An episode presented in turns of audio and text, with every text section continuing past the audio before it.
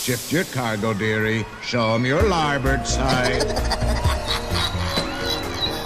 Ik heb persoonlijk kunnen vaststellen dat het paleis werkelijk een lust is. Final arrangements may be made at the end of the tour. Het is weer ochtend in Pretparkland. Goedemorgen pretparkland en welkom bij je ochtendelijke pretpark podcast. Mijn naam is Erwin Taats en Thibaut Renodijn en ik zijn vanochtend in het Sprookjesbos van de Efteling.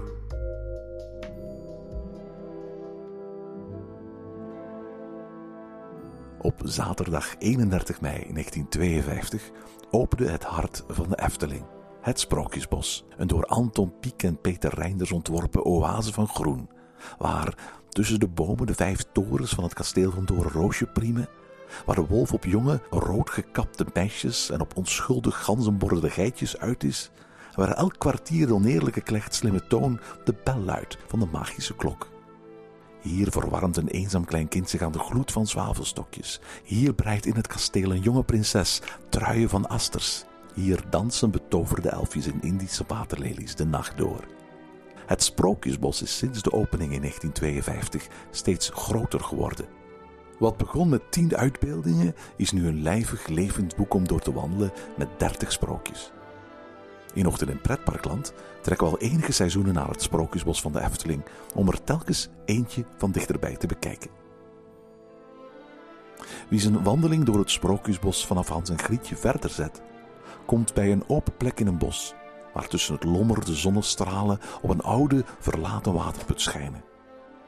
Het is niet de waterput waarin de prinses van de kikkerkoning haar gouden bal laat vallen. En zelfs niet de waterput waarin de wolf van de zeven geitjes aan zijn vroegtijdige einde komt. Deze waterput is een toverachtig portaal naar een andere wereld uit de Germaanse sprookjestraditie. En Thibaut en ik vertellen vandaag over wie je op de bodem van deze put tegen kunt komen. Vrouw Holle. Goedemorgen Thibaut. Goedemorgen, Erwin. We zijn aangekomen bij ons volgende sprookje op de Sprookjesbosroute.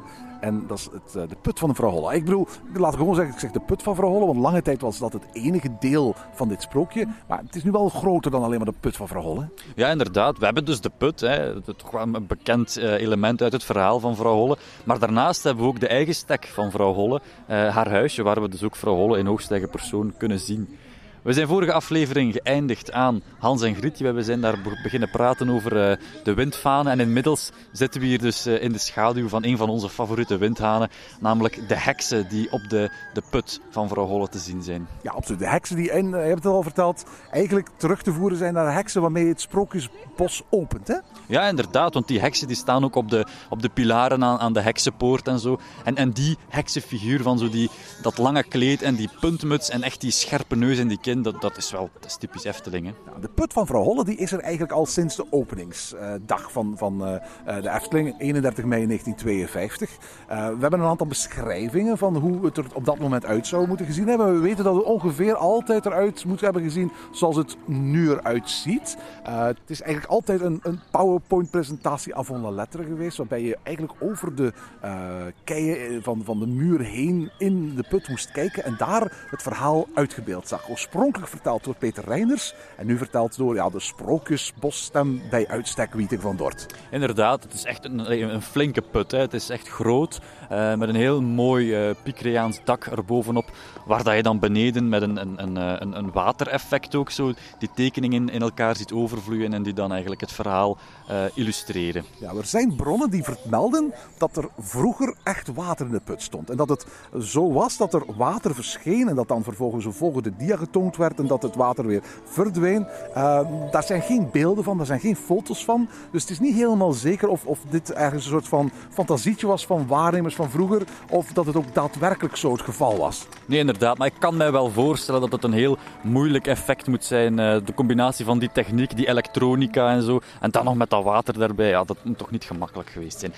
Maar ja, wat, wat, wat toch op, opvallend is hier aan, aan dit sprookje, vind ik dat het echt uit twee elementen bestaat. Hè. Twee elementen die in het verhaal eigenlijk met elkaar verbonden zijn, maar toch heel erg los van elkaar zijn, want ze bevinden zich letterlijk elk in een andere wereld. Echt, echt een- bijna een andere dimensie, terwijl ze hier gewoon naast elkaar bestaan. Ja, inderdaad.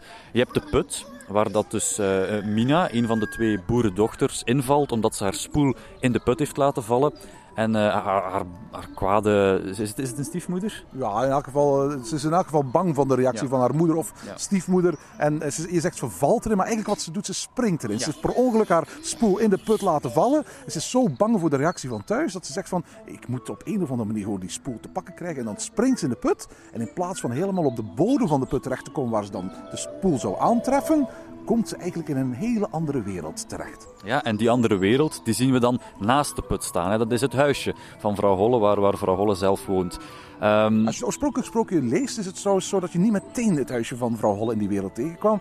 Eerst kwam ze bij een, een, een, een oven en daar stonden allemaal broden in die, die aan het bakken waren. Die broden die smeekten aan Mina van haal ons eruit, we zijn gaar, haal ons eruit. Waarop Mina dacht van, wat zou je anders doen als je broden zou hebben die tegen jou de vraag stellen van haal ons uit de oven? Die dacht van, ik haal al die broden uit de oven. En vervolgens wandelde ze verder en kwam ze aan een, aan een appelboom. En daar hingen allemaal appels aan, blakende appels. En die appels die vroegen aan Mina, alsjeblieft pluk ons, we zijn rijp. En ja, Mina besloot om dan daar ook al die appels van die boom af te halen. En vervolgens kwam ze uiteindelijk bij eh vrouw. En eigenlijk kun je zo, zo zeggen van, ze had al twee van de drie proeven, want heel veel elementen in, in sprookjes komen in drievoud. Twee van de drie proeven afgelegd. Het, het, het uit de oven halen van de broden, het plukken van de appels. En daarna kwam ze aan proef drie. En daarvoor moest ze iets doen bij vrouw Holle, de bewoonster van dit huisje. Ja, en, en, en vrouw Holle die had uiteraard al gezien dat Mina zo een, eh, een vlijtig meisje is, hè, zoals het in het verhaal ook verteld wordt. Ze zegt van, ah ja, maar jij, luistert goed, hè, je haalt de broden uit de, uit de oven, je plukt de appels. En dan moet ze, ze bij vrouw Holle eigenlijk de, de, ja, de ultieme proef eh, zeg maar, gaan doen.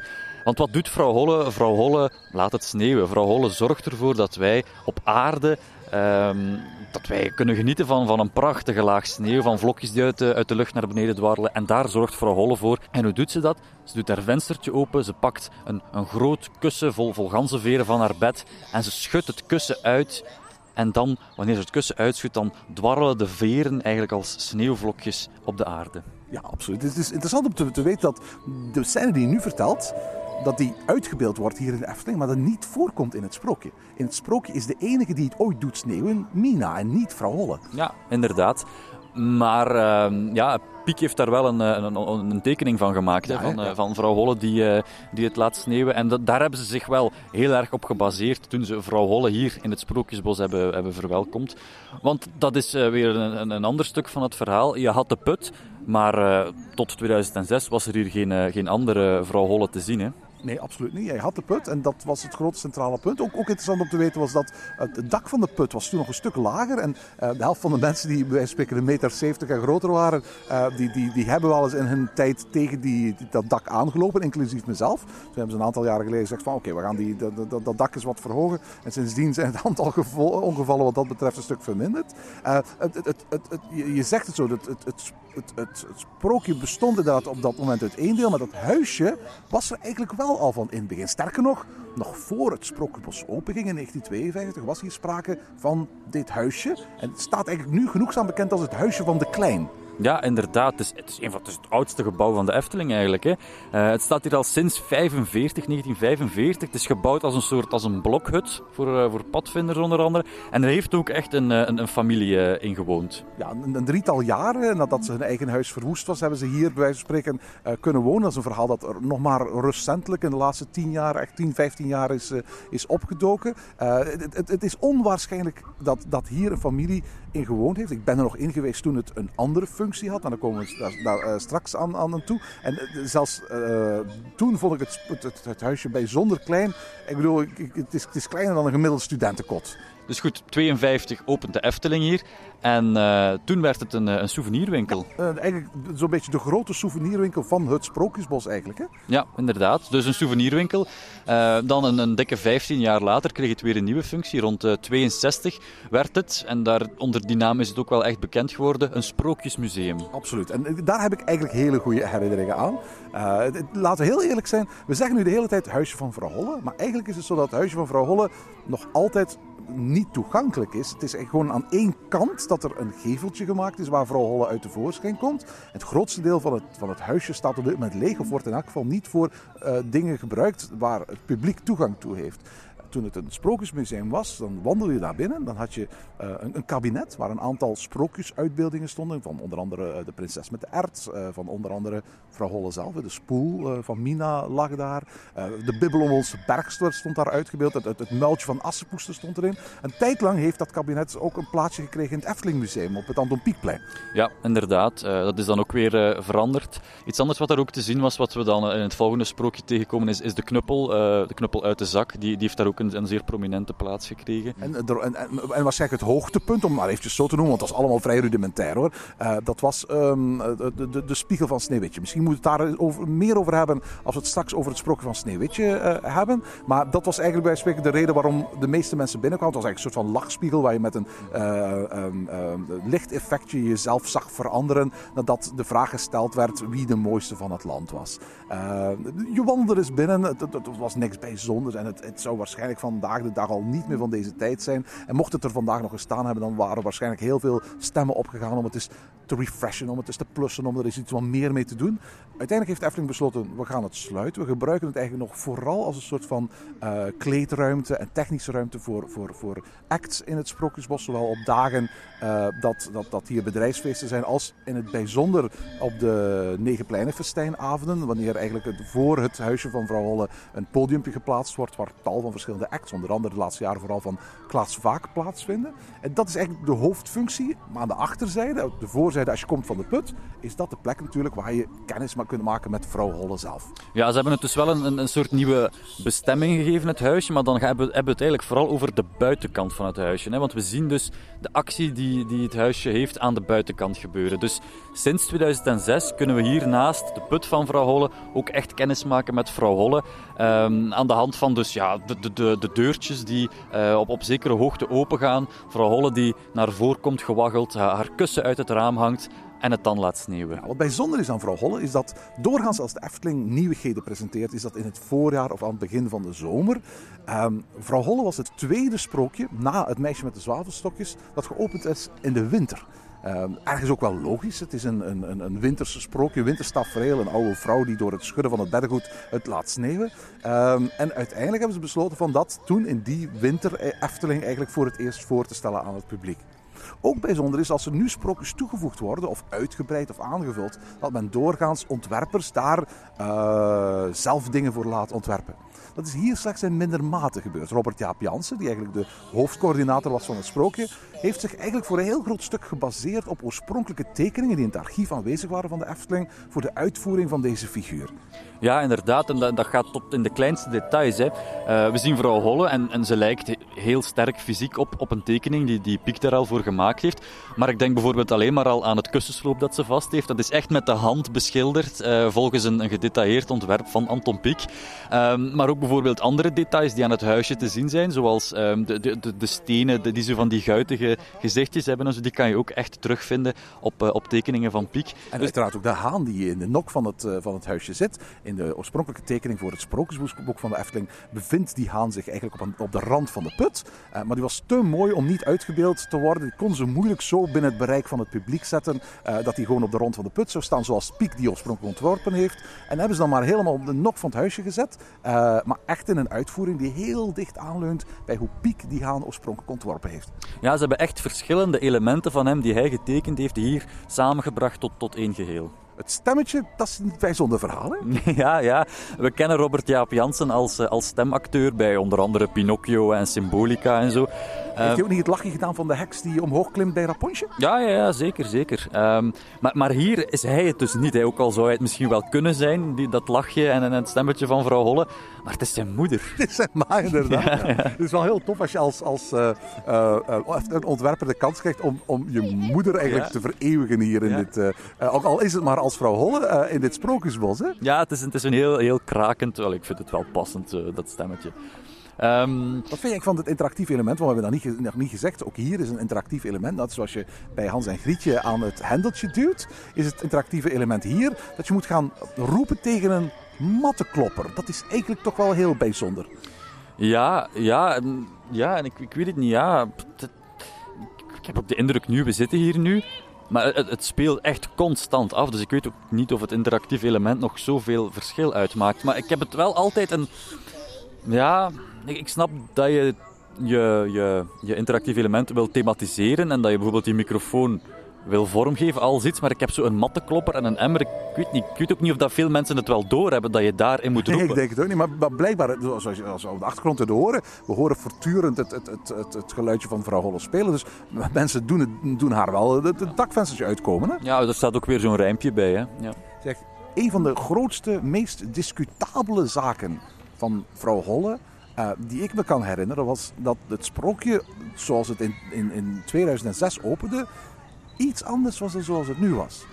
Als je toen vrouw Holle tevoorschijn kwam, dan waren er eigenlijk twee verschillende mogelijkheden. De ene keer kwam vrouw Holle tevoorschijn en liet ze het eh, sneeuwen. Maar de andere keer kwam ze tevoorschijn en dan lachte ze een, beetje geringschattend en trok ze zich weer terug en deed ze het helemaal niet sneeuwen, alsof ze jou wou pesten. ja, vals, hè? Ja, ja, ja dat, dat is eigenlijk ook, hè? Ja, ja, ja. Ehm, ja, ik weet niet, vind, vind, je, vind je dat kunnen? Ehm, ik, ik, ik, ik geloof dat, dat, dat de Efteling bij wijze van spreken opzoekwerk heeft gedaan naar de traditie van vrouw Holle en, en eigenlijk het soort van valse vrouwfiguur die ze eigenlijk was. Want laten we heel eerlijk zijn, in de versies die de Efteling altijd vertelt van vrouw Holle, wordt vrouw Holle voorgesteld als een lieflijker vrouw dan ze eigenlijk is. Want laten we heel eerlijk zijn, zij houdt Mina gegijzeld, zij, zij maakt daar een beetje haar slaaf van en eh, is eigenlijk helemaal niet een, zo'n vriendelijke vrouw als je op het eerste zicht zou denken natuurlijk. En ook als je, als je historisch gaat kijken, narratief, naar hoe eh, de antecedenten van vrouw Holle in de wereldliteratuur voorkomen, dan zien we daar eigenlijk een, een, een, een helemaal niet zo'n sympathieke vrouw. En ik denk dat op die manier, als het ware, de Efteling dat er eigenlijk in wou krijgen. Maar natuurlijk, er zijn heel weinig mensen die in die tijd de moeite deden om twee keer vrouw Holle te laten tevoorschijn komen. En het gevolg was dat een boel mensen geconfronteerd werden met het feit dat zij haar dakvenster uitkwam, haar een dakkapel uitkwam. En gewoon die mensen zat uit te lachen. En dat was eigenlijk een heel raar iets. En Efteling is daar een aantal jaren later ook van teruggekomen. Ja, inderdaad. Nu, ehm, we daar toch zijn aanbeland aan dat toch wel iets duisterdere kantje van vrouw Holle.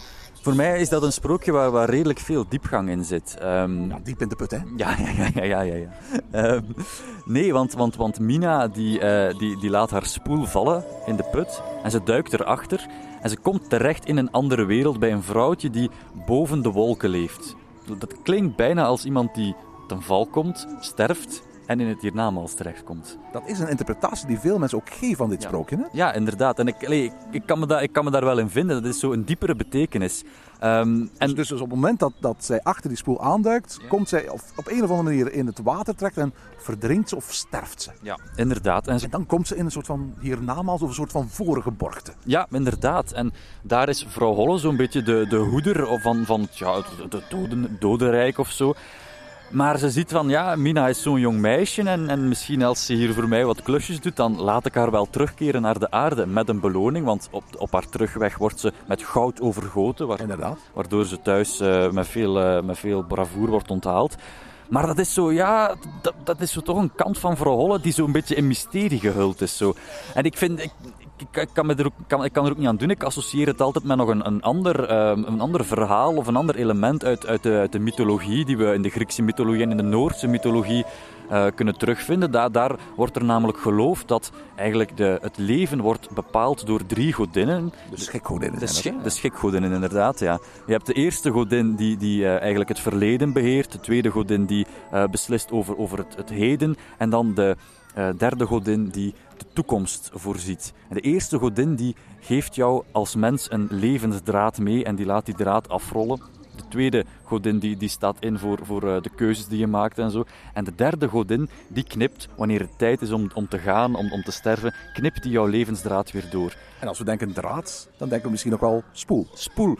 En wie zegt spoel? Zegt vrouw Holle. Inderdaad, ja. En Mina die haar spoel verliest en die haar spoel weer terugkrijgt van vrouw Holle nadat ze bij vrouw Holle gewerkt heeft en dan terug naar de mensenwereld komt. Uiteraard, het is niet zo dat alleen Mina in de put gaat, hè? Nee, inderdaad, want eh, we hebben al gezegd, ze heeft een, een, een bozaardige moeder. Ze, is niet graag thuis. Ehm, maar ze heeft niet alleen een bozaardige moeder, ze heeft ook een bozaardige zus, eh, Rita.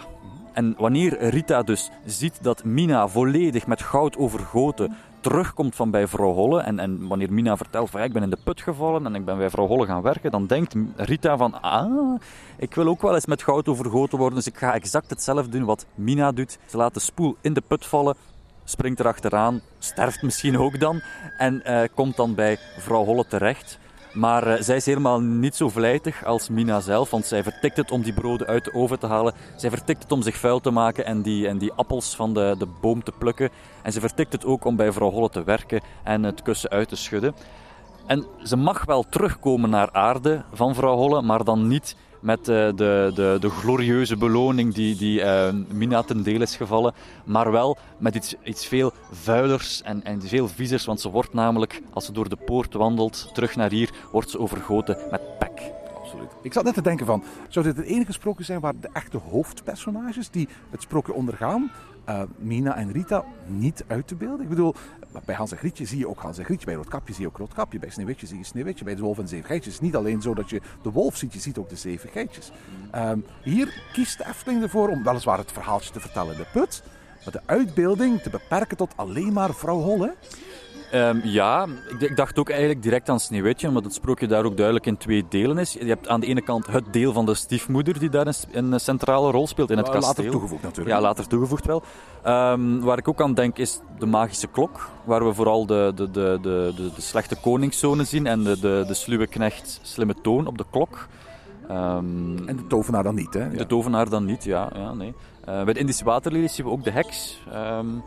Maar dat is zo'n beetje het enige waar ik op kan komen. Ja, een repelsteeltje misschien, dat is ook wel de... de Juist, daar de, wordt ook alleen maar de slechterik ja. uh, weergegeven, het zaterfiguurtje. Ja, inderdaad. Nu, uh, sowieso, het is, het, is, het is een fantastisch plekje. Ook de, uh, de hele omgeving eigenlijk van, van de, de, de put van vrouw Holle. Het is, het is echt iconisch, hè? Ja, inderdaad. En we zitten hier nu en toen ze in 2006 de figuur van vrouw hebben, hebben toegevoegd, dan heeft uh, René Merkelbach daar ook zo weer een tof uh, een riedeltje voor gecomponeerd. Uh, heel vrolijk om, om het kussen op uit te schudden, zo met van die twinkeleffecten en, en windeffecten bij, om zo ja, de sneeuw wat, wat extra kracht bij te zetten. Ja, hier zie je trouwens dat volgens mij nooit is uitgebracht op een van de officiële Efteling-cd's, maar wel op een van die muziekdoosjes-cd's die ze jarenlang hebben gratis meegegeven als je uit het park kwam.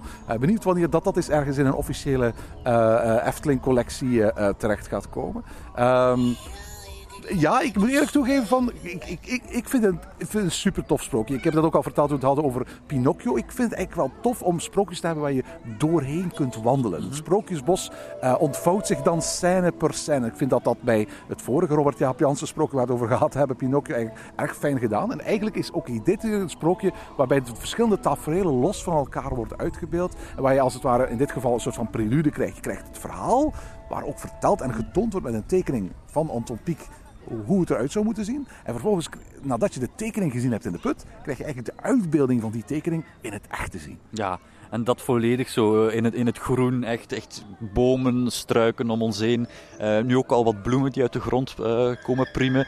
Het is echt het is een prachtige plek. Hè. Absoluut. Zeg, uh, over prachtige plekken gesproken. We hebben nog heel veel sprookjes uh, in de Efteling waar we het over kunnen hebben. En ik stel ons voor dat we langzaam wandelen naar ons volgende sprookje in de Sprookjesboswandeling. En dat wordt dan dat van eetje, stekje, tafeltje, dekje, knuppel uit de zak. Ja, eventjes uitrusten in de herberg. Eventjes uitrusten in herberg de Eersteling. Voilà, heel graag.